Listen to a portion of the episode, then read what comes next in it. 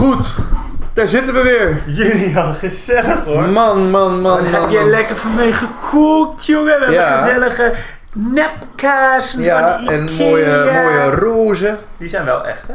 Die zijn echt, ja.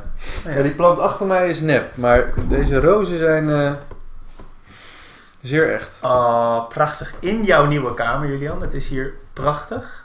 Ja, Het lijkt net alsof je een, een, een volwassen fan bent met een grote mensenbaan. ja. Confronterend, of niet? Ja, het lijkt bijna echt. Ja, jeetje. Hey, heel leuk dat eh, we er weer zijn. Ja, Dat we elkaar weer eens in dit echt zien. sowieso. En ook leuk dat onze luisteraars weer luisteren. Ja, want het zijn er 40 gemiddeld per aflevering. Dus Zo dat, knetal. het bouwt zich zo uit, joh. Ja, we worden nog groot. We moeten binnenkort adverteerders gaan contacten, denk ik. Eh, Nou, eh, volgens mij gaan zij ons contacten binnenkort. ja. Ik denk dat het eerder op die, op Maar wat- die tour gaat. Wat is ons publiek, zeg maar? Wat, wat, waar zouden ze, wat voor adverteerders zouden met ons publiek willen adverteren? Ja, ik denk tot nu toe helemaal niemand. De vrienden en familie van Ruben en Julian. De sweet spot van de Ziggo's en KPN's in deze wereld. Nee, ik denk dat adverteerders nog niet begrijpen hoe ontzettend van belang wij zijn voor de maatschappij. Ja, de impact Eh, die wij Ja, hebben. de impact, dat heeft tijd nodig om in te sijpelen. Wij zijn ook van de, van de slow impact, hè? Ja, Kijk, he- heel veel bedrijven zitten natuurlijk heel snel, kort erop, willen snel eh, effect hebben. En wij zijn natuurlijk van de langzame inbedding. Ja, ja, Dus over twintig jaar zul je allemaal adverteerders eh Nou, horen ik- jankend aan de telefoon. Ja. Jammer dat we niet eerder ingestapt zijn. Ik kan me ook nog herinneren dat je zei het Anthropoceen. Hè, waarbij Het de mensen... wat eh, ja. Je leert, ook jij leert dus iets van onze podcast. Zeker. En Dat is een tijdje geleden, dus dat je er nu pas over begint is wel... Dat is heel lang geleden. En ehm, toen eh, was het zelfs zo dat, dat dat de impact was van de mensen op de aardlaag. Maar ik verwacht dat we ook zo een open deur zijn hebben. Dat je dus op de aardlaag kan zien van... Ja, toen kwam die podcast. Het open deurcentrisme. Snap je? eh, eh, ja.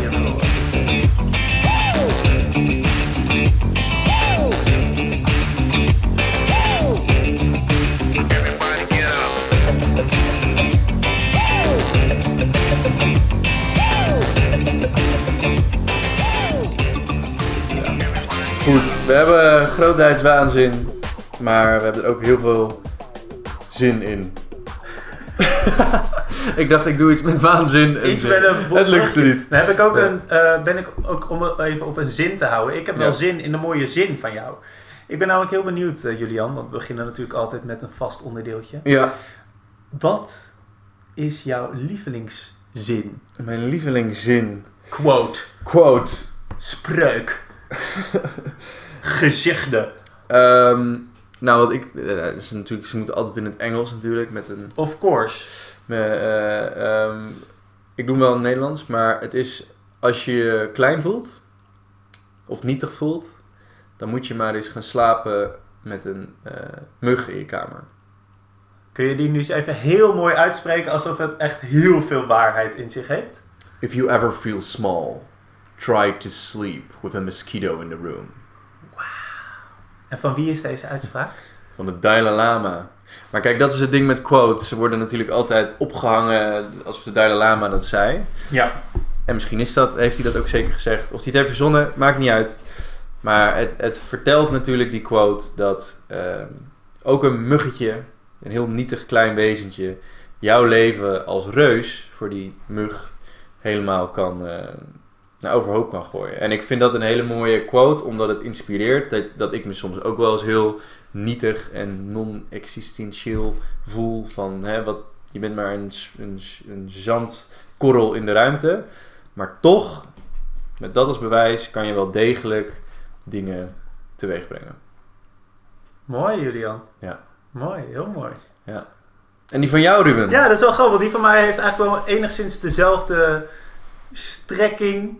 Ehm, behalve dat het wel een ander vertrekpunt heeft. Die van mij is namelijk, ik ga hem ook even het Engels doen, want ik vond dat het heel erg werkte. Jawel hè? Het, oprecht. In het Nederlands is het gewoon... Ja, ik doe eerst het Engels en dan heel kut in het Nederlands, zodat het verschil nog groter lijkt. Oké. Nu doe ik hem in het Engels, nu hoop ik natuurlijk dat hij heel goed gaat. Ja.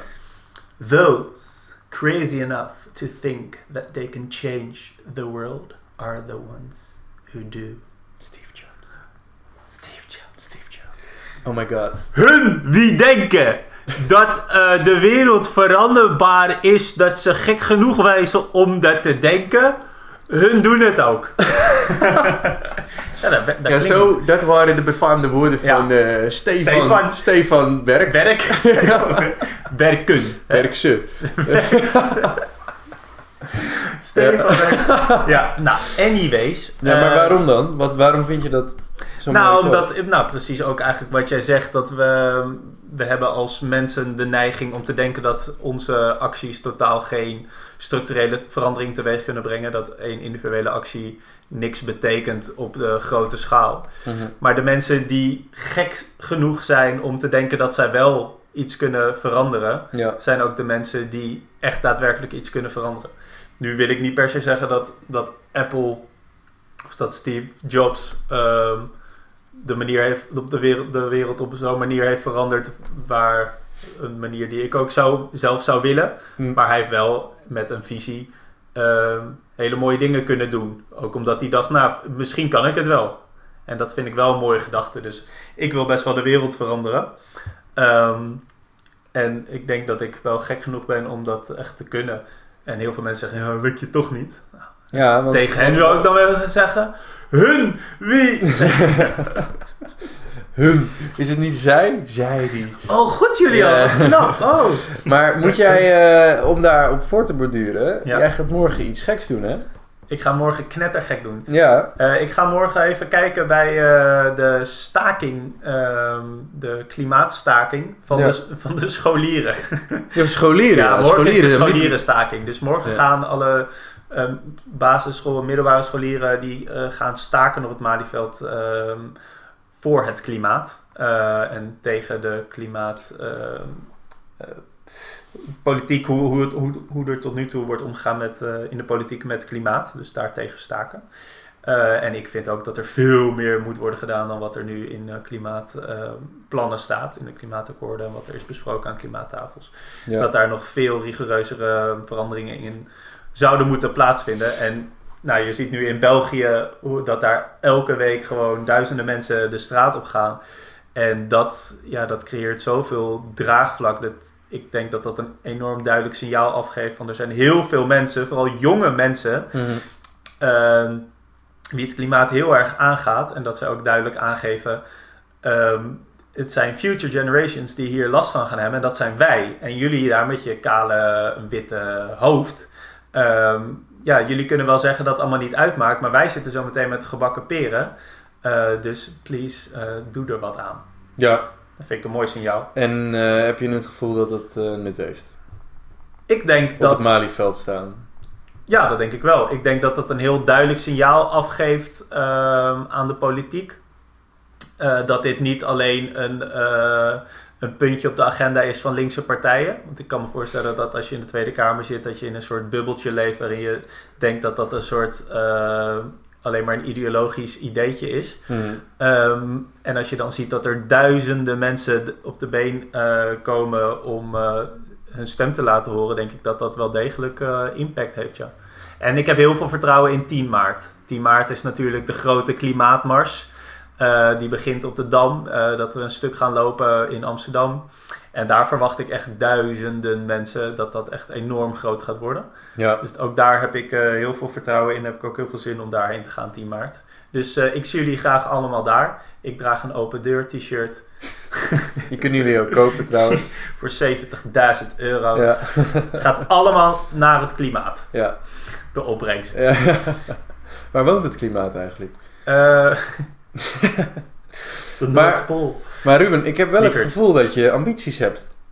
Oh, bruggetje. Ja. Nee, maar oprecht. Wat, eh, ja, zo, zo voelt het wel. eh. Ja, zeker. Vertel eens, wat, wat zijn die ambities, Ruben? Ja, ehm, mijn ambitie is wel eigenlijk om ehm, klimaatverandering zo eh, goed als wij kunnen tegen te gaan. Zodat we ervoor zorgen dat er eh, een leefba- leefbare planeet overblijft als alle mensen die het nu voor het zeggen hebben dood zijn en de jonge mensen verder moeten leven. Mm.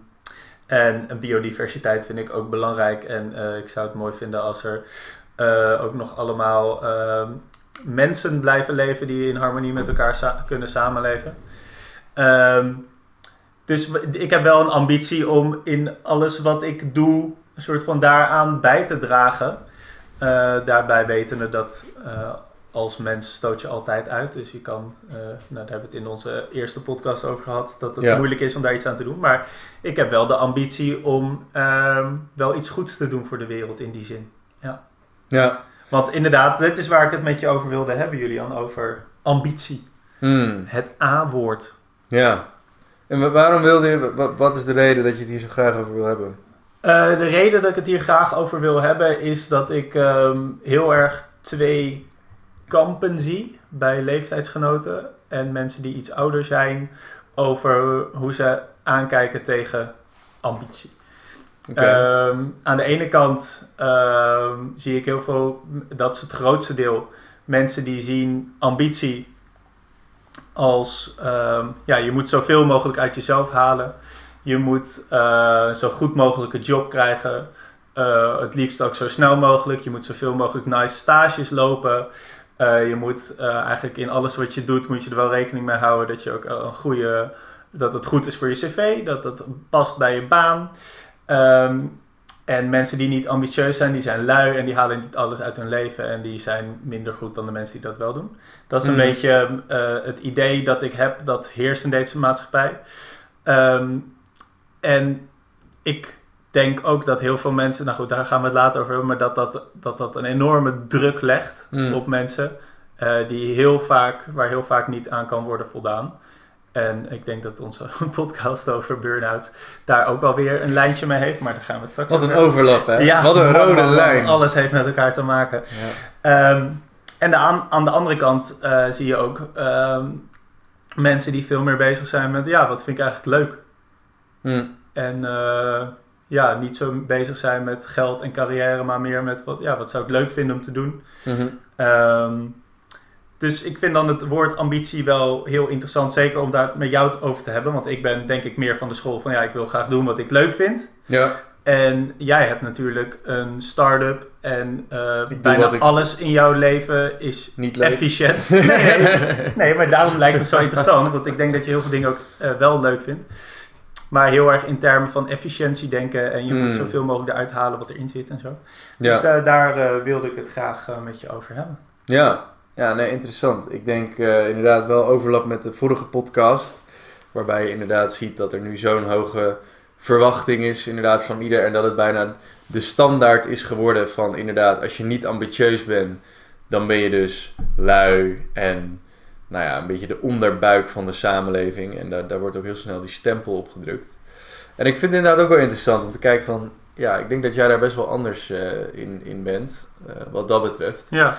Ehm, maar je zei net al iets van over hè, dingen doen die je leuk vindt en dingen doen die je niet leuk vindt. Maar wat is volgens jou dan ambitie? Want naar mijn mening heeft ambitie juist heel erg te maken met, met wat je leuk vindt. En is het zeker niet dat je dus dingen moet doen die niet leuk zijn. Het hoort erbij.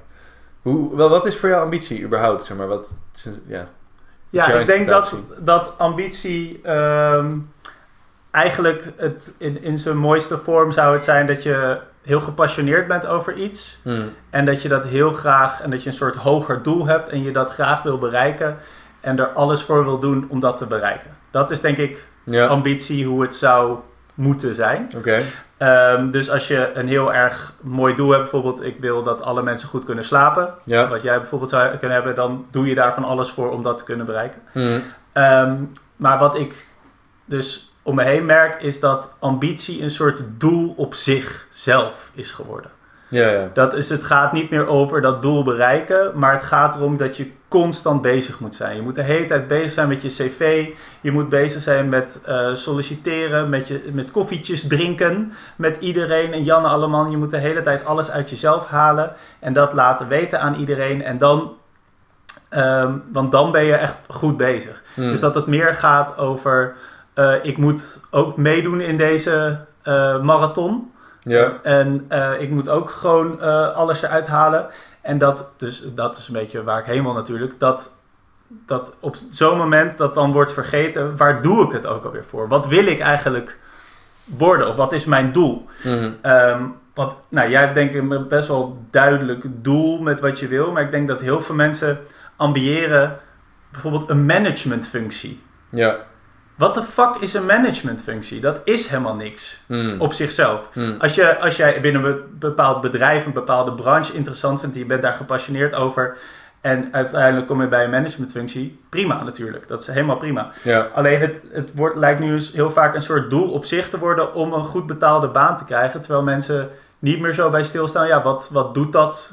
Wat, wat, maar, eh, ja, wat voor eh, betekenis geeft mij dat? Wat voor betekenis geeft dat voor de maatschappij? Hmm. Natuurlijk snap ik dat niet iedereen wil iets goeds doen voor de maatschappij. Maar ook denk ik dat heel veel mensen niet per se iets doen waar ze echt van denken: ja, dit, hier word ik echt, dit is echt wat ik, wat ik wil. Ja. Maar meer van ja, dit klinkt wel vet en ik verdien wel goed. Hmm. Herken Hmm. jij dat ook om je heen? Of, eh, Ja, nou ja, het is inderdaad wel, zeg maar, ik, ik ben dan ook inderdaad eh, sollicitaties aan het doen. Niet omdat ik ergens solliciteer, maar met, eh, mensen die met mij eh, solliciteren, bij ons. En ik, ik let er dan inderdaad op van, ja, hebben deze mensen ambitie? Want dat is, het is wel een keurmerk. en wat is die- ambitie dan in jouw bewoording? Nou, ambitie in mijn bewoording is dat iemand heel zelfbewust bezig is met de keuzes die hij maakt. En dat hij dus niet met een twijfelend gevoel bij jou komt solliciteren, maar daar met een duidelijke reden komt en met een bepaald doel, inderdaad. En dat hij daar ook ehm, ehm, alles voor wil geven, zeg maar. Of ja, alles. Dat hij er echt voor gaat. Want hij is heel bewust van, daarom doe ik dit. Daarom ga, sta ik om zes uur op en ga ik met het OV daarheen en werk ik tot acht uur s'avonds door. Dat is wat mij... Het zijn harde werkers. Mensen die, je- waar je op kan rekenen. Mensen, en, en ik denk mensen zonder ambitie... Ja, die daarbij heb ik... Eh, om even de andere kant van zien. Dat zijn mensen die dus inderdaad lui zijn. Het zal allemaal wel. Ehm, ik vind het allemaal wel prima zo. Ehm, en ik, ik doe een baantje omdat ik geld moet verdienen. Maar meer dan dat doe ik ook niet. En ik leef dag bij dag. En eh, ja, En kan je dat waarderen als mensen zo leven? nou, dat is hun keuze. En soms, soms, soms kan ik ook wel eens jaloers zijn bijna op dat mensen daar tevreden mee kunnen zijn. Waarom ben je daar dan jaloers op? Nou ja, omdat voor mezelf, kijk, ik heb, ik heb hoge ambities voor mezelf. Grote ambities, dat is beter om te zeggen. En dat, is, dat vind ik heel gaaf, vandaar doe ik toffe dingen en weet ik het allemaal. Maar het is ook, je stelt jezelf daardoor wel heel erg eh, voor een uitdaging elke keer. Weet je wel, het is, het is nooit goed wat dat betreft. Ehm, waardoor je dus heel veel daarvoor moet geven qua energie, tijd en, en prioriteiten. En soms kan ik dan wel eens kijken naar, nou ja, niet oneerbiedig bedoeld, maar naar een kapster hè, die van 9 tot 5 werkt. Ehm, nou, en dan in de avond gaat Netflixen met haar, met haar vriend. Ehm, kijk, dat is, ik zou daar nooit gelukkig van worden. Maar ik zie wel dat die mensen gewoon gelukkig zijn. Ja. En dat betekent niet dat die kapster geen ambitie heeft. Dus misschien niet het beste voorbeeld, maar ja, die, die vindt het wel prima zo. Die heeft niet de ambitie misschien om die kapperszaak naar wereldwijd te brengen en ieder zijn haar mooi te knippen. Zeg maar. Nee. Dat is niet het doel. En denk ik van, ja, dat is best wel relaxed, want dan leg je de lat wat lager voor jezelf. Je kan voor jezelf zorgen, je kan samen met iemand zijn en wat dat betreft gelukkig zijn. Maar ik weet van mezelf dat ik dat niet als standaard heb. Nee. Dus ja, wat vind ik ervan? Ik vind het niet slecht. Maar ik weet wel dat in een organisatie, in de maatschappij en het kapitalistische systeem waar wij in zitten, ambitie gewoon heel erg wordt gewaardeerd. Want dat zorgt voor groei, dat zorgt voor eh, innovatie. En nou ja, wat jij ook zegt eh, in, in je quote. Eh, eh, alleen de, de, de, de gekken die geloven dat ze de wereld kunnen veranderen en die er ook volledig voor gaan, zullen, het, zullen dat lukken. En mensen die toch meer in de middenmoot, middelmatig, eh, ja, dan doe je het al gelijk ten, ten, ten onder, maar een middelmatig leven leiden, zullen dat niet doen. Middelmatig leven klinkt wel heel kut. Ja, maar ik snap, ik snap wel wat je bedoelt, ja. Maar ik denk dat we, dat we het hier wel over eens zijn. Ja, Ehm, maar het interessante zit denk ik meer in ehm, dat dus, dus heel hoe veel ver mensen... kan je gaan? Nou ja, en of heel veel, heel veel mensen hebben dus heel veel ambitie, heb ik het idee, maar weten eigenlijk niet zo goed meer waarvoor ze het doen. Dus Mm. wa- kun je misschien omschrijven waar, waar zit jouw ambitie? Wat is jouw, hoe is dat Mm. zo ontstaan? Wat is jouw grote doel? Waar, Ja. waar, sta, waar doe jij het allemaal voor de hele dag? Want jij Nou laat ja. er heel veel voor en je doet er heel veel voor. ja. Nou ja, en ik denk dat in dat opzicht... Want dat- niet dat iedereen mijn weet die ons luistert. We hebben natuurlijk ontzettend veel luisteraars, dus misschien kun je toch weer even, even vertellen wat jij graag zou willen. Of Ehm, niet super uitgebreid. Nee, nee, nee, precies. Nou, in het kort, ik wil sinds dat ik klein ben al uitvinder worden. Ja. Hè? Zo ken je me denk ik ook wel, dat ik met Lego speelde. Ik deed technasium. Vooraan altijd- bij de klasse in wiskunde de hele tijd vragen stellen. Ja. Vooraan dat wiskunde. En ik wilde heel graag zeg maar, dingen, dingen begrijpen en dat kunnen toepassen. En dan, nou, net als Willy Wortel van de Donald Duck, dingen maken. En op een gegeven moment kwam ik erachter dat Willy Wortel, die, die had hele leuke uitvindingen in Dukstad. Maar die kwamen nooit verder dan het schuurtje in Dukstad. Toen ben ik industrieel ontwerpen gaan doen, want dat was een beetje de uitvindersopleiding wat dat betreft. Ehm, en toen kwam ik erachter, ja, maar ik wil niet alleen maar uitvindingen voor mijn eigen schuurtje in, in Dukstad hebben. Ik wil die uitvinding ook naar iedereen brengen. En toen kwam ik naar ondernemerschap. Toen zag ik, hé, hey, daarmee kan je dat dus faciliteren en kan je het dus combineren. En sindsdien ben ik geobsedeerd met nieuwe dingen bedenken en die massaal naar de wereld toe brengen, waardoor er een betere plek ontstaat. Dat klinkt natuurlijk heel cliché, dat zegt Heel erg bedrijf. cliché inderdaad. Maar eh, zo, zo kijk ik er wel naar. Dus voor mij, is- mijn ambitie is echt om meerdere eh, bedrijven. En ik denk dat het een bedrijf moet zijn, want als er een businessmodel achter zit, is het bij voorbaat niet schaalbaar en impactvol, geloof ik. Want dan krijg je een non-profit. En ja, uiteindelijk hebben de, de techgiganten de men toch meer impact, zeg maar. Dus ik geloof heel erg door met een businessmodel en een uitvinding meerdere dingen de wereld in te slingeren. Met sociale impact. Ja, precies. En dat je dus een, eh, het antropoceen... eh, En waarom wil je, hebben. want je hebt nu al een fantastisch eh, start-up. Waarom zou je er meerdere willen? Waarom moeten dat er meer zijn? nou, omdat dit, dit is mijn obsessie en mijn passie. En ik denk op een gegeven moment... Ik vind obsessie en verhaal- passie wel twee hele verschillende dingen. Ja, ja, maar daarom benoem ik ze ook denk ik wel los. Dus het is enerzijds mijn passie om dus dingen te maken en uit te vinden naar de wereld te brengen. En ik ben er ook mee geobsedeerd bijna, omdat ik bijna nergens anders aan kan denken. En ik heel erg veel mijn leven daar helemaal in toe inricht, zeg maar. En geobsedeerd is wat dat betreft misschien ook een, een negatief iets.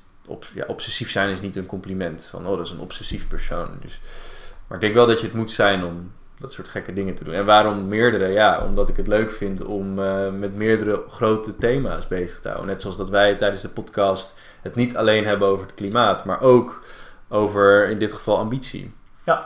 En dat zijn grote thema's waar iedereen wel mee zit. En nou, erover Ja. praten is één ding, maar er dus op, daadwerkelijk oplossingen voor bieden. Ja, want ehm, nou goed, met jou, jullie bedrijf zijn jullie dus heel erg bezig om het slaapprobleem, ehm, om daar een oplossing voor te bieden. Dus Ja. nou, ik denk dat iedereen het daarover eens is dat dat een nobel streven is. Hmm, Maar er zijn natuurlijk ook heel veel bedrijven, Ja, eh, noem een Amazon, die, dat zijn ook allemaal hele ambitieuze mensen. zeker. Die willen een bedrijf enorm groot maken. En heel veel techbedrijven zijn enorm groot dat je je wel kan afvragen van... Ja, wat, wat dragen deze mensen bij? Weer een product dat we niet nodig hebben of zo. Hoe kijk je daar dan tegenaan? Want het wordt... Ja, kijk, daar ligt mijn hart niet. Nee, Daarom het onder, nogmaals ondernemerschap aan zich. Ja, je kan er heel rijk mee worden. Je kan hele mooie dingen opzetten. Eh, dat is nog steeds heel moeilijk hoor. Ik bedoel, dan moet je wel echt ambitie en passie en toewijding hebben. Maar inderdaad, een Amazon, ja, wat dragen ze bij aan de wereld?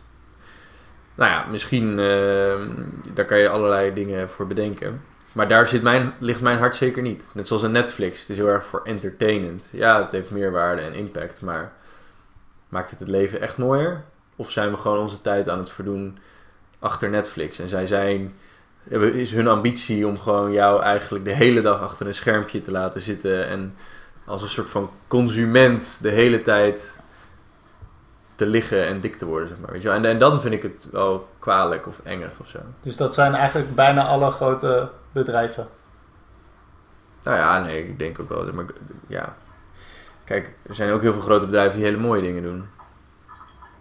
Ik bedoel, eh, een cliché als een Tesla. Nou, Pro heeft wel de missie om eh, alle uitstoot eh, van auto's de wereld uit te helpen. Ja, en die zijn ook heel ambitieus. Ja, Dus het is niet per se een, een slecht ding, maar omdat Nee, het zeker, is de nee. standaard geworden. hè.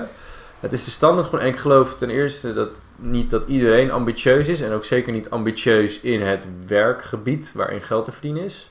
Er zijn heel veel mensen bijvoorbeeld ambitieus over bijvoorbeeld muziek maken. Waar niet per se geld te verdienen is. Of het heel onzeker is. Of dansen of koken. Of misschien ambitieus over een familie hebben. en ambitieus om heel veel kinderen te krijgen. En, Ja. en om, weet je wel? En ik denk dat dat wordt een beetje, nou ja, wordt niet gewaardeerd in de maatschappij, denk ik. Minder. Ja. En dat is denk ik wel eh, lastig voor sommigen. Ja, dus aan heel veel ambitieuze mensen zou je kunnen zeggen, wordt enigszins onterecht dan heel veel status toegekend. Nou ja niet, ja, niet onterecht, maar we hebben duidelijk als maatschappij gekozen wat we wel en niet verheerlijken. Ja. Dat, dat is wel zo. Ja. En ik denk, ja, uiteindelijk vind ik het, het is wel heel mooi. Want wat dat betreft, vroeger, als ik het een beetje meekrijg van mijn, mijn ouders. Ehm, kijk, die zijn op zich ook wel ambitieus. Maar vroeger was het volgens mij al heel wat als je bij de bank ging werken. En hè, je had een stabiel inkomen en je kon een gezin krijgen. En dat was toen de, de Dutch dream. Snap je? Nee, maar echt, dan waren je ouders echt super trots. En het was helemaal niet gebruikelijk om je eigen bedrijf te starten, zeg maar. Dat is best wel uniek. En dat is, dat is natuurlijk heel mooi dat dat de standaard was. En nu is er een soort van gegeven van... ja, maar er zit zoveel meer in jou als mens dan in loondienst eh, van 9 tot 5 de dag te doorbrengen. En dat we dus de laatste tijd, nou ja, misschien iets te ver in te gaan zijn, maar dat we zeggen: hé, hey, jij, eh, Ruben, wat zou jij nou als alles kon, wat zou jij dan willen bereiken als je 80 bent? Weet je wel? Als jij op je sterfbed ligt, wat zou je dan in de meest ideale wereld hebben gedaan? Ja, dus er, er heerst een soort, nou ik denk wel dat ik dat een illusie zou willen noemen, dat er een soort maakbaarheid bestaat. Dat je volledig zelf verantwoordelijk bent voor je succes. Ja. Dat je zelf, ehm, dat het je eigen, ja, door je eigen toedoen ehm, kun je ergens komen. Hoe ver je komt ligt, is te wijten of te danken aan jezelf. En dat, dat brengt een enorme druk met zich mee, waardoor ik denk dat heel veel jonge mensen die eh, solliciteren zich rot en die Mhm. studeren zich helemaal schompers, willen een PhD doen terwijl ze dat niet eens leuk vinden, maar omdat het cool staat of zo. En vervolgens zijn we allemaal heel erg verbaasd dat er zoveel burn-out zijn en dat mensen ehm, ehm, niet blij zijn met, met wat ze aan het doen zijn. Dus Ja. ik denk dat we echt wel ehm, heel erg ver zijn gegaan daarin. In dat je alles moet eruit halen wat erin zit. Alleen maar met ambitie als doel op zich. Hmm. En dat ambitie veel meer iets zou moeten zijn dat een middel is. Dat een inspiratie kan zijn om iets anders te kunnen bereiken. Ja. En dat, je, dat, is, dat is volgens mij ook het woord ambitie. Je hebt de ambitie om Hmm. iets anders te doen. En nu lijkt het alsof je ambitie moet hebben. Ja. Terwijl dat is op zich als gegeven is dat niet, eh, Hmm. vind ik dat niet per se eh, mooi. Want sommige mensen hebben de ambitie om eh, alle joden uit te roeien. Nou, Lekker voorbeeld wel. ja, jezus. Ja, een beetje gek. Maar ehm, mijn excuses. Dus ik denk dat we daarin wel erg ver zijn gegaan. Ehm, en dat heeft ook mee te maken in dat, ook wat ik net ook een beetje wel hoor doorklinken. In, ja, mensen die dag bij dag leven, die een baantje doen om, dat, om wat geld te verdienen. Ja, die, die krijgen ook niet dat, ja, daar wordt een beetje op neergekeken. Ja. Ja. Terwijl je zou ook kunnen zeggen, ja, mensen die eh, precies wat jij ook zegt, van ja, als iemand muzikale ambities heeft en thuis eh, of eh, fotografie ambities heeft en heel veel foto's maakt en daarnaast eh, drie bijbaantjes heeft en dan per dag een beetje kijkt wat hij doet, Hmm. dat is eigenlijk toch ook prachtig. Ja. Ja, maar ja, dat is niet... Daar is... Daar valt... Ja, dan... dan, dan Daar valt niks mee te verdienen. daar valt... Nee, en, en dan... Ja. Daar is een mooi concept voor. of, of Japans gegeven. Misschien heb ik het er al eerder over gehad. Ikigai. Nee, vertel. Oké, nou... eh, waardige toevoeging wat mij betreft. Oh, Ikigai, jullie. Ikigai is... Je hebt je weer eens eh, ingelezen. Ja. nee, Ikigai is een eh, woord en het betekent letterlijk in het Japans de sleutel tot het leven. Ja? Mooi. En Ikigai is een concept die stelt, het is een Venn-diagram, dus dat zijn van die cirkels die dan in elkaar zitten en dan als ze overlappen in het midden, dan, dat is een Venn-diagram. Het bestaat uit, uit mijn hoofd vier cirkels. En de ene cirkel zegt, je moet iets doen, of je moet, eh, Ikigai betekent dat het iets is wat je leuk vindt, dus waar je hè, geluk uit haalt door het te beoefenen of whatever. De tweede cirkel van de Venn-diagram is dat je er goed in bent. Dat je er talent voor hebt. De derde cirkel van het Venn-diagram is dat je er geld mee kan verdienen. Ja? Maar er is ook nog een vierde. En die vind ik heel mooi dat die er ook bij zit. En dat is dat het ook iets moet zijn waarbij je iets bijdraagt aan het grotere geheel. En dat betekent dus niet gelijk dat je de wereld redt van een of andere ziekte.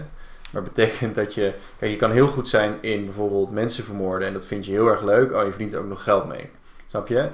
Dan, dan, heb je, dan zou je zeggen dat is misschien ikigai. Maar nee, want het draagt niet iets bij. Maar het kan ook wel iets heel kleins zijn. Van, ik ben goed in brood bakken.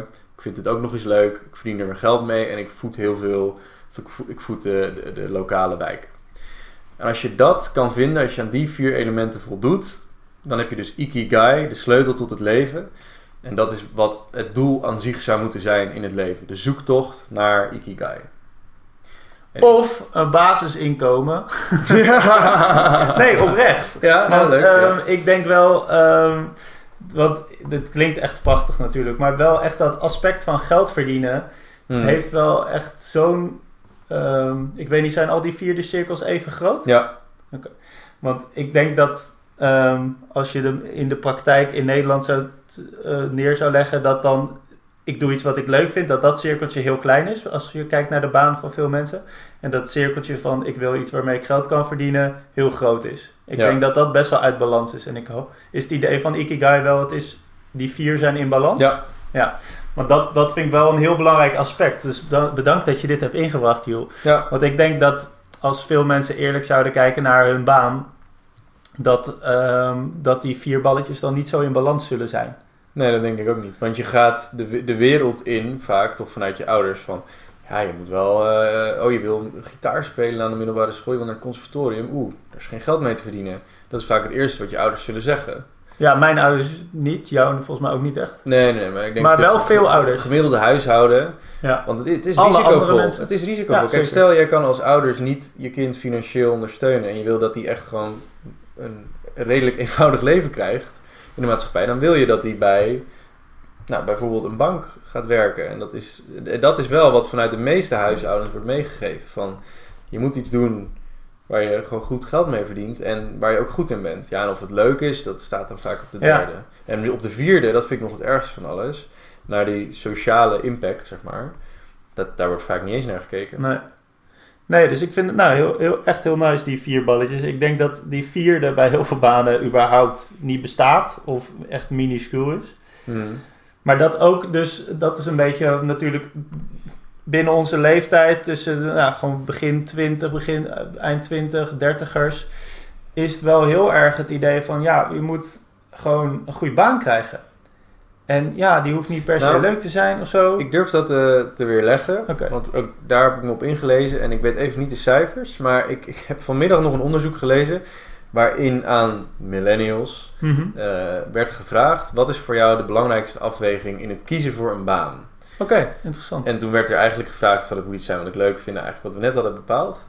En wat tegenwoordig dus eh, het meest belangrijk is, hè, dat was echt, eh, ik, ik, ik pin me er niet op vast, maar ik geloof voor 63% van de stemmen van onder 1200 mensen enquête in Nederland, was het de missie van het bedrijf waar ze weer, weer willen Oké, werken. ja. Kortom, dus de sociale impact is dus tegenwoordig een reden, de hoofdreden, voor een millennial om ergens te gaan werken. Dus er is wel een transitie dus aan het plaatsvinden Oh, van daar- waarbij dat is onze positief. ouders... Ja, dat is positief. Ja, zeker. Ja, dus een beetje constructief nieuws.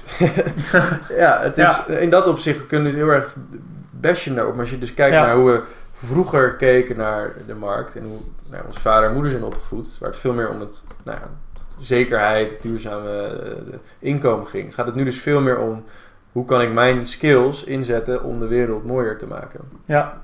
Ja, en ik denk ook dat iedereen daar uiteindelijk meer aan heeft. Ja, Als, eh, als je meer mensen hebt die doen wat ze, wat ze leuk vindt. Als, als je doet wat je leuk vindt, ja, ik geloof daar heilig in. Als je doet wat je leuk vindt, word je er beter in. Eh, en dan, dan ja, dat is dan heel makkelijk gedacht, maar dan ga je er ook makkelijker geld mee verdienen, denk ik. ja het, het volgt allemaal uit elkaar. Absoluut. Ja. Maar En kijk- ik denk dus dat we ook vaak want ik vind het prachtig onderzoek en toch heb ik nu veel voorbeelden in mijn hoofd van mensen in mijn omgeving. Hmm. ehm, of dingen die ik hoor in mijn omgeving. Van mensen die toch wel echt dat eerste stapje van wat vind ik leuk overslaan. En ook een studie gaan doen. Want dat, ik weet niet, dat was, weet ik nog heel erg goed van de middelbare school. CM moest je sowieso niet gaan doen. Want Wat dat is de, dat? eh, cultuur en maatschappij, pretpakket. Oh ja. Kan je niks mee. Ja. Dat was het argument. Kan Ja. je niks En mee. zo werd het ook echt... eh, Pretpakket, Dat, dat ja. was zelfs hoe volgens mij de docenten het noemden. Nou, bij wijze van spreken, ja. Ehm, dus nou, daar ben ik ook gevoelig voor geweest. Dus ik ben toen maar economie en maatschappij gaan doen. Ik heb economie en MNO gedaan, management en organisatie. Nou, dat sloeg echt... Nou ja, het sloeg vast wel ergens op als je het snapte, maar eh, echt helemaal niks voor mij. Hmm. Dus dat was, eigenlijk had ik dat nooit hoeven kiezen, want dat is toch niks voor mij. Want ik wist toch wel dat ik de culturele sector in wilde. Ja. Dus al, al op school ehm heerste zo'n idee van je moet iets doen wat iets oplevert. Ja. En niet per se wat je interessant vindt. Hmm. En dit heeft natuurlijk ook weer te maken met het, eh, de podcast van vorige keer over Hmm. onderwijs. Ja. Maar ik weet nog heel goed dat ik, ik had op een gegeven moment ervoor gekozen om media en cultuur te gaan studeren. Hmm. En toen zei ik dat tegen mijn docent economie. Dit wordt wel heel stereotypisch hoor. En die zei, oh, wat kun je daar dan mee? Ja. Wat kun je daarmee worden? Wat, Ja. eh, oh, maar daar is toch helemaal geen werk in. Hmm. Heel erg die eh, kritische toon, die ik wel begrijp, maar waarvan ik nu denk van ja, dat is wel de houding die wij dus hebben meegekregen. Hmm. Ehm, waardoor denk ik ook veel mensen niet per se iets gaan doen wat ze leuk vinden, maar iets wat ze wel kunnen. Hmm. Mijn eh, scriptiebegeleider van de bachelor, eh, die is nu heel erg met, nou, met eh, culturele identiteit bezig, met de representatie van Aziatische Nederlanders. Oké. Maar hij heeft eerst economie gestudeerd, want dat moest van zijn ouders. Ja. En daarna dacht hij, wacht eens, want dat kon hij ook. Dus Hmm. hij, heeft, hij heeft geen PhD daarin gedaan, maar hij heeft eerst economie gedaan. En toen dacht hij, oh, wacht eens even. Misschien moet ik gaan doen wat ik leuk vind. Ja. En toen is hij Tof. alsnog iets heel anders gaan doen.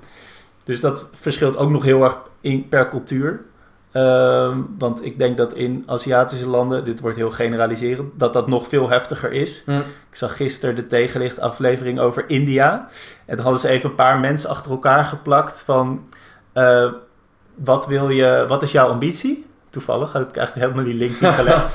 Ehm, maar dat Mooi. was allemaal, ik wil een managementfunctie, blij- bla bla bla bla bla. Ja. Dus niet, ik wil voor dit bedrijf, of ik wil voor dit bedrijf met deze missie, of ik wil eh, dit en dit veranderen in de wereld, maar ik wil een managementfunctie. Ja. En dat is wel ehm, ja, iets waarvan ik denk van, nou, misschien eh, kun je beter iets doen wat je leuk vindt, zodat je er goed in wordt. Daar hebben we allemaal meer aan. Ja. Maar goed, eens.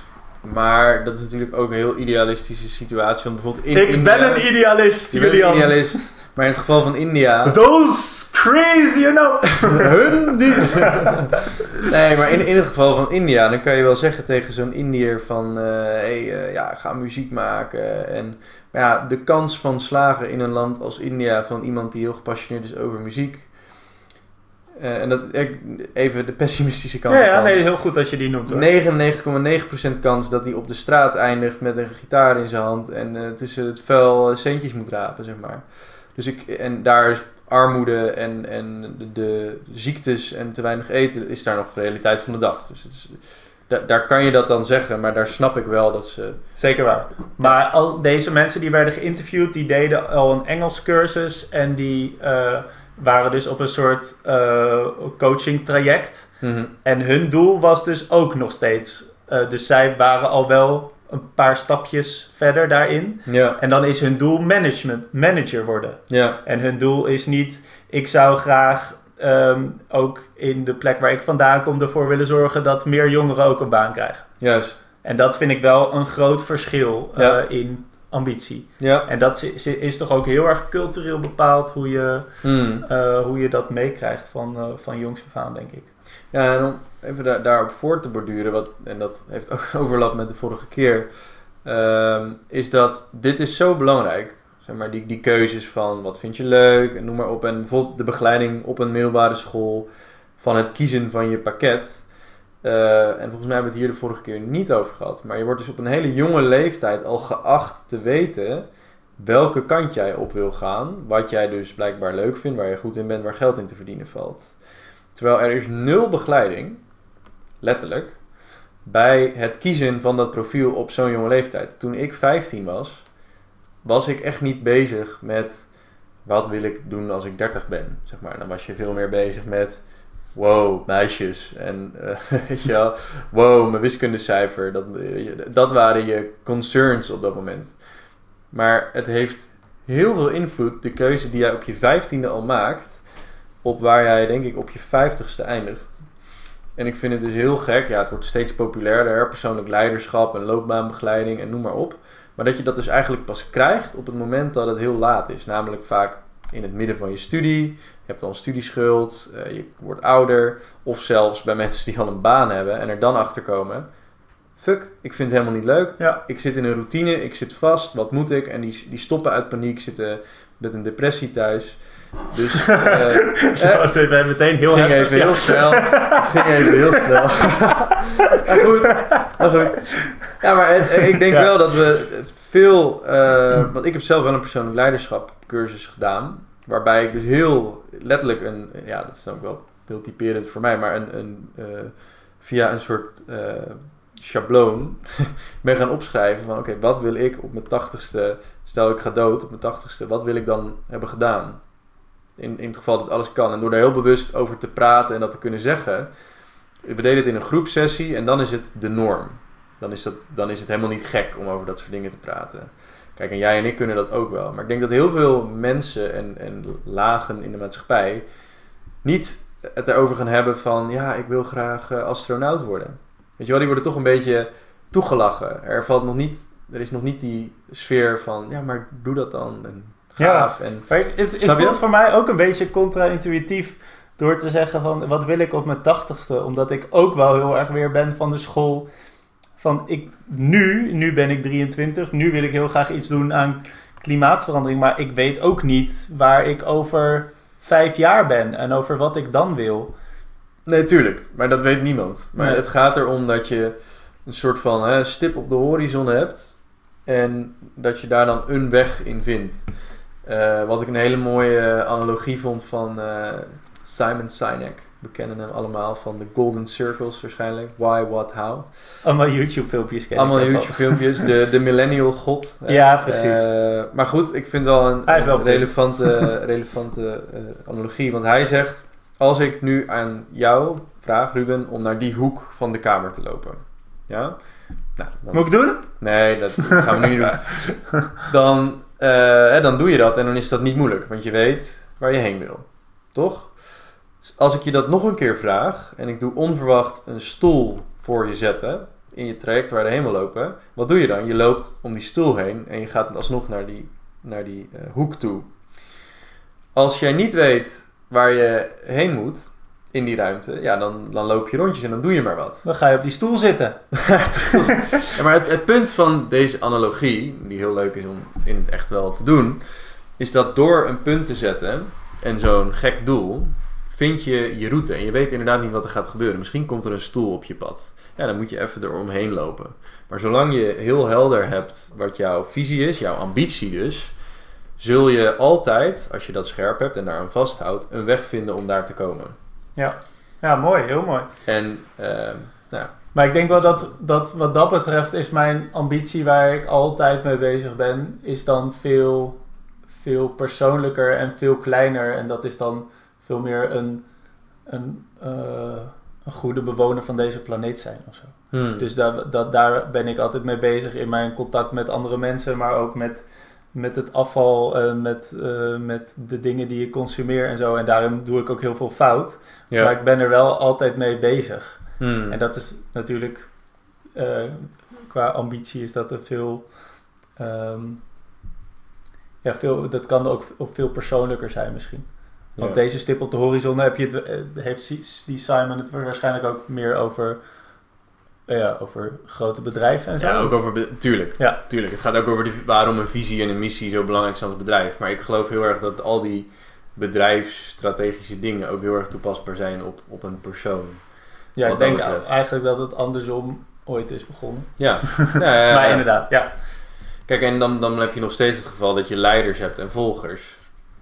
Dus je zult altijd mensen hebben die niet zo, die, die gewoon de stip op de horizon van iemand anders willen volgen en zich daarachter Ja. schuilen. Wat prima is natuurlijk. Ja, Wat want een leider is. geen leider zonder volgers en een volger is geen volger zonder leider. Dus je, je hebt beide nodig om, om te kunnen bestaan. En dus het is ook niet wat ik met, dat ik met dit verhaal wil vertellen, iedereen moet die stip hebben.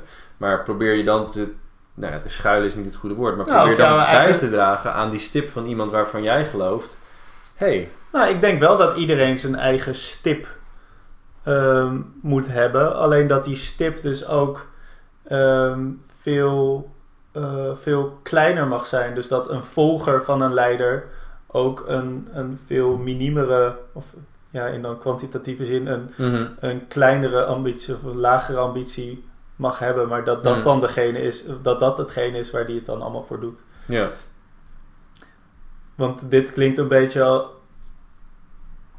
alsof de, de, je hebt een paar grote leiders nodig, die zien het allemaal en de anderen kunnen volgen. En ik denk dat iedereen heeft wel iets wat hij heel erg graag zou willen en naar waar, Ja, eh, waar die naar zou willen leven en voor zou willen leven. ja. Ehm, Nou, daar moet je ook bij stilstaan, hè? zeker. Maar Ja, bijvoorbeeld, ik... Ik, ik heb het voornamelijk dan in de keuze van je werk. ja, Stel je kan niet, of je hebt niet het gevoel dat je dat wil of kan, dan wees je dan in ieder geval bewust bij die keuze van, hé, waar ga ik mijn Ja. tijd, energie Ja. in stoppen? Ja, en ik, nou, ik, ben er net helemaal niet, niet meer echt op ingegaan. Maar ik denk wel dat als iets als een basisinkomen geïntroduceerd zou worden, dan denk ik wel echt dat. dat Dan eh, haal je die ene nou ja, cirkel weg. Van ja, van- en dan krijg je echt hele andere verhoudingen. Ik denk dan echt wel dat het begrip ambitie dan zo- kan veranderen als de, die financiële, eh, dat financiële aspect eruit is. Want eh, dan moet het dus iets zijn wat je leuk vindt, waar je Ja. goed in bent en wat goed is voor de wereld. Ja, Maar of ik- je er iets mee verdient, maakt dan eigenlijk niet meer uit. Nee, nou ja, nee, nee. Dat zou wel mooi Ja. meegenomen zijn, maar inderdaad. En dat, wat, wat voor dingen gaan mensen dan doen? Ik ben heel benieuwd wat er dan gebeurt. Wat voor Nou, initiatieven hebben er dus dan een, eh, ontstaan. Ik heb toevallig daar een, eh, de, de paper van gelezen. Want als ik het goed heb, in Noorwegen hebben ze dit Ja, gedaan. In, een, eh, in een provincie, geloof ik. Ja, ze hebben op meerdere plekken in de wereld, ook in Nederland overigens. Oké. maar- Nou, en volgens mij waren daar dus de, de, de, de dingen die je zag. Was bijvoorbeeld een vuilnisman. Hè, is nu een vrij, nu al best wel ondankbaar beroep. Niet veel mensen doen het graag, laat ik het zo zeggen. Het is toch smerig werk. Dus het is niet iets wat, wat heel veel mensen leuk vinden. Ga even het boek lezen, ga even het boek lezen waarom bankiers meer verdienen Dan, dan... Ja. eh, nee, waarom vuilnismannen meer verdienen dan bankiers. zeker, nou, daar komt het ook onder andere vandaan. van. Rutger Bregman. Ja. Ja. Ehm, ja, maar dan zie je dus dat je inderdaad miljonair kan worden door vuilnisman te worden. Want ja, het is een ondankbaar baantje. Iedereen verdient toch meer. En in, in het gegeven van een basisinkomen, je kan er al van rondkomen. Dus je kan extra geld gaan verdienen door dat soort baantjes te gaan doen. Nou, als jij gelukkig wordt van meer geld door dat te doen, dan is dat prima.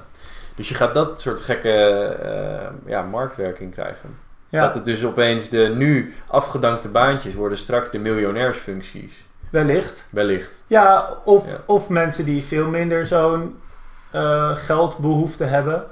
Ehm, en dat, die, dat er dus veel meer, wat ik zeg, veel meer initiatieven gaan ontstaan die echt vooral bezig zijn met wat, wat draagt dit bij aan, eh, aan het grotere geheel. Ja. Wat is mijn kracht? Wat Ja. vind ik leuk? Hoe kan ik dat inzetten om bij te dragen aan een betere buurt?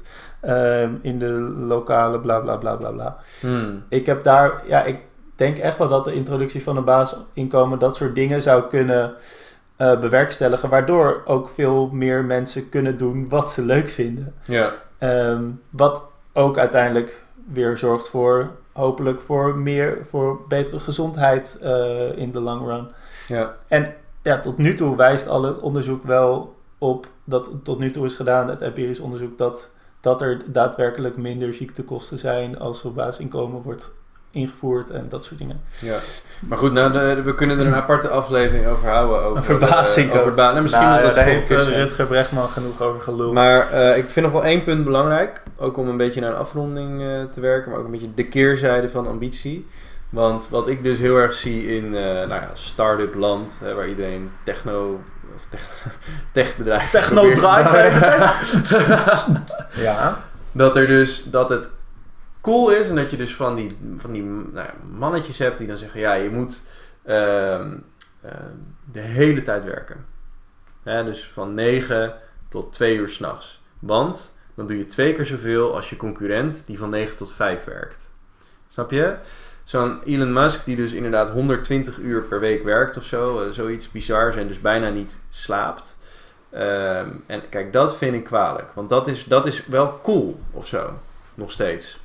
Vind daar- je dat ook cool? Nee, nee, nee, nee, nee. Dat vind ik echt idioot. Oké. Ehm, Correct geantwoord. ja, nou ja, dat is goed of fout, is een ander verhaal. Maar z- zeker natuurlijk ook vanuit de redenatie dat slaap gewoon heel belangrijk is. En dat het dus helemaal niet zo is dat als je weinig slaapt, dat je dus Twee eigenlijk keer ook zo, ja. twee keer zo niet productief bent, Precies, waardoor iemand in... Nou goed.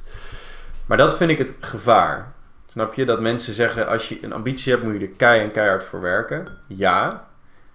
Maar we moeten niet vergeten dat dingen als beweging, voeding en slaap, de basisbehoeften, dat die niet moeten worden verwaarloosd. Want als En- dat niet goed zit, Ja, kan je niet eens productief zijn. En de tweede laag in de piramide van Maslow, net zo goed, want dat is eentje hè, waar, waar, eh, waar ook eh, nou ja, heel veel vaak fout gaat, in relaties. Dus, dus in, eh, in de liefde dat je dat laat verwaarlozen, noem maar op. Dat is onwijs belangrijk. Hè?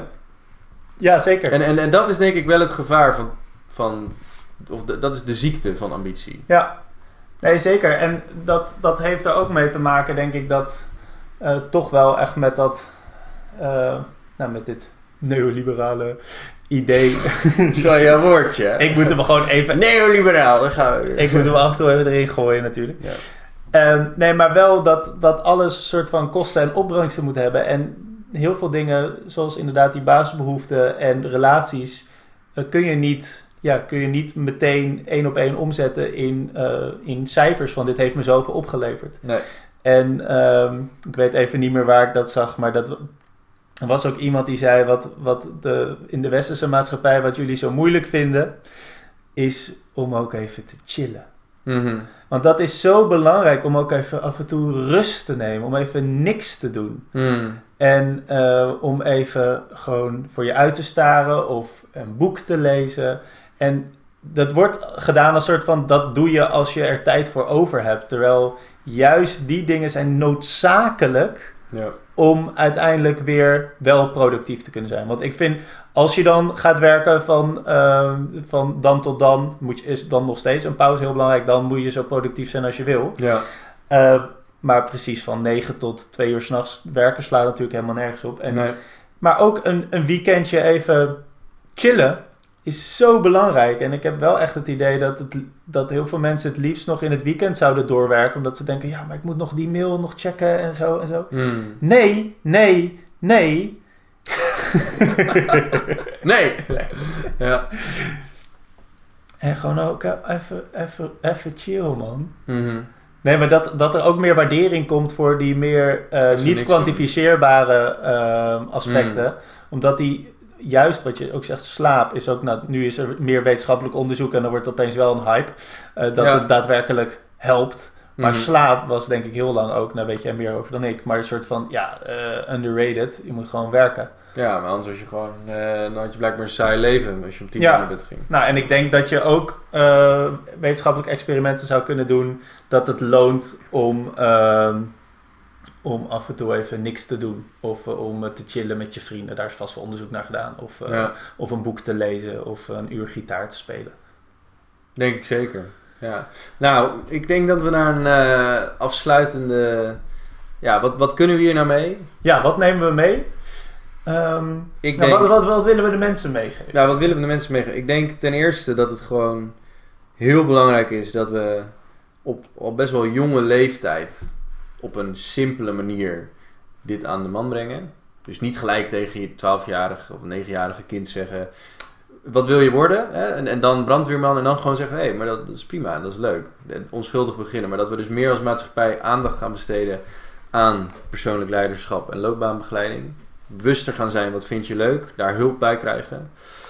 Maar dat is iets wat ik aan de maatschappij en aan de politiek en aan iedereen zou willen meegeven. Maar gewoon als, als één op één als persoon zou ik gewoon zeggen: wees gewoon altijd heel bewust in de keuzes die je zo gaat maken als je bent afgestudeerd. Want dat zijn denk ik op dit moment de meeste luisteraars. Dat je nadenkt niet alleen over, oh, ik ga een goede baan krijgen, dat het goed wordt betaald. Dat is maar één van de vier dingen die het wat dat betreft goed maakt. Maar denk ook na, wat draagt het bij aan de wereld? Vind ik het leuk? En ben ik er goed in? En als je dat vindt, dan heb je Ikigai. Dan Dat is je mooi. met een gezonde manier je ambitie nastreven. Ja, en ik wil nog even als laatste puntje dan toevoegen dat het ook helemaal oké is als je dat nog eventjes niet weet. Want het is ook heel goed om even nog gewoon een paar bijbaantjes te hebben om eh, uit te zoeken wat je precies Ja, wil. dus misschien kom je er pas achter op je zestigste. Ook dat, nou oprecht, ja, taal. nu er wordt weer een langer gesprek, maar eh, mijn moeder doet veel loopbaanbegeleiding en die, eh, die eh, eh, verandert af en toe zelf ook weer. Dat ze ook even Ja. niet meer weet wat ze wil, dan gaat ze weer iets anders doen. Nou, prima. Precies. Vind ik zo leerzaam, geeft mij heel veel rust en hoop voor de toekomst. Dat oh, zelfs iemand die daar constant mee bezig is, die weet het af en toe niet en dan gaat ze iets anders doen. Prachtig.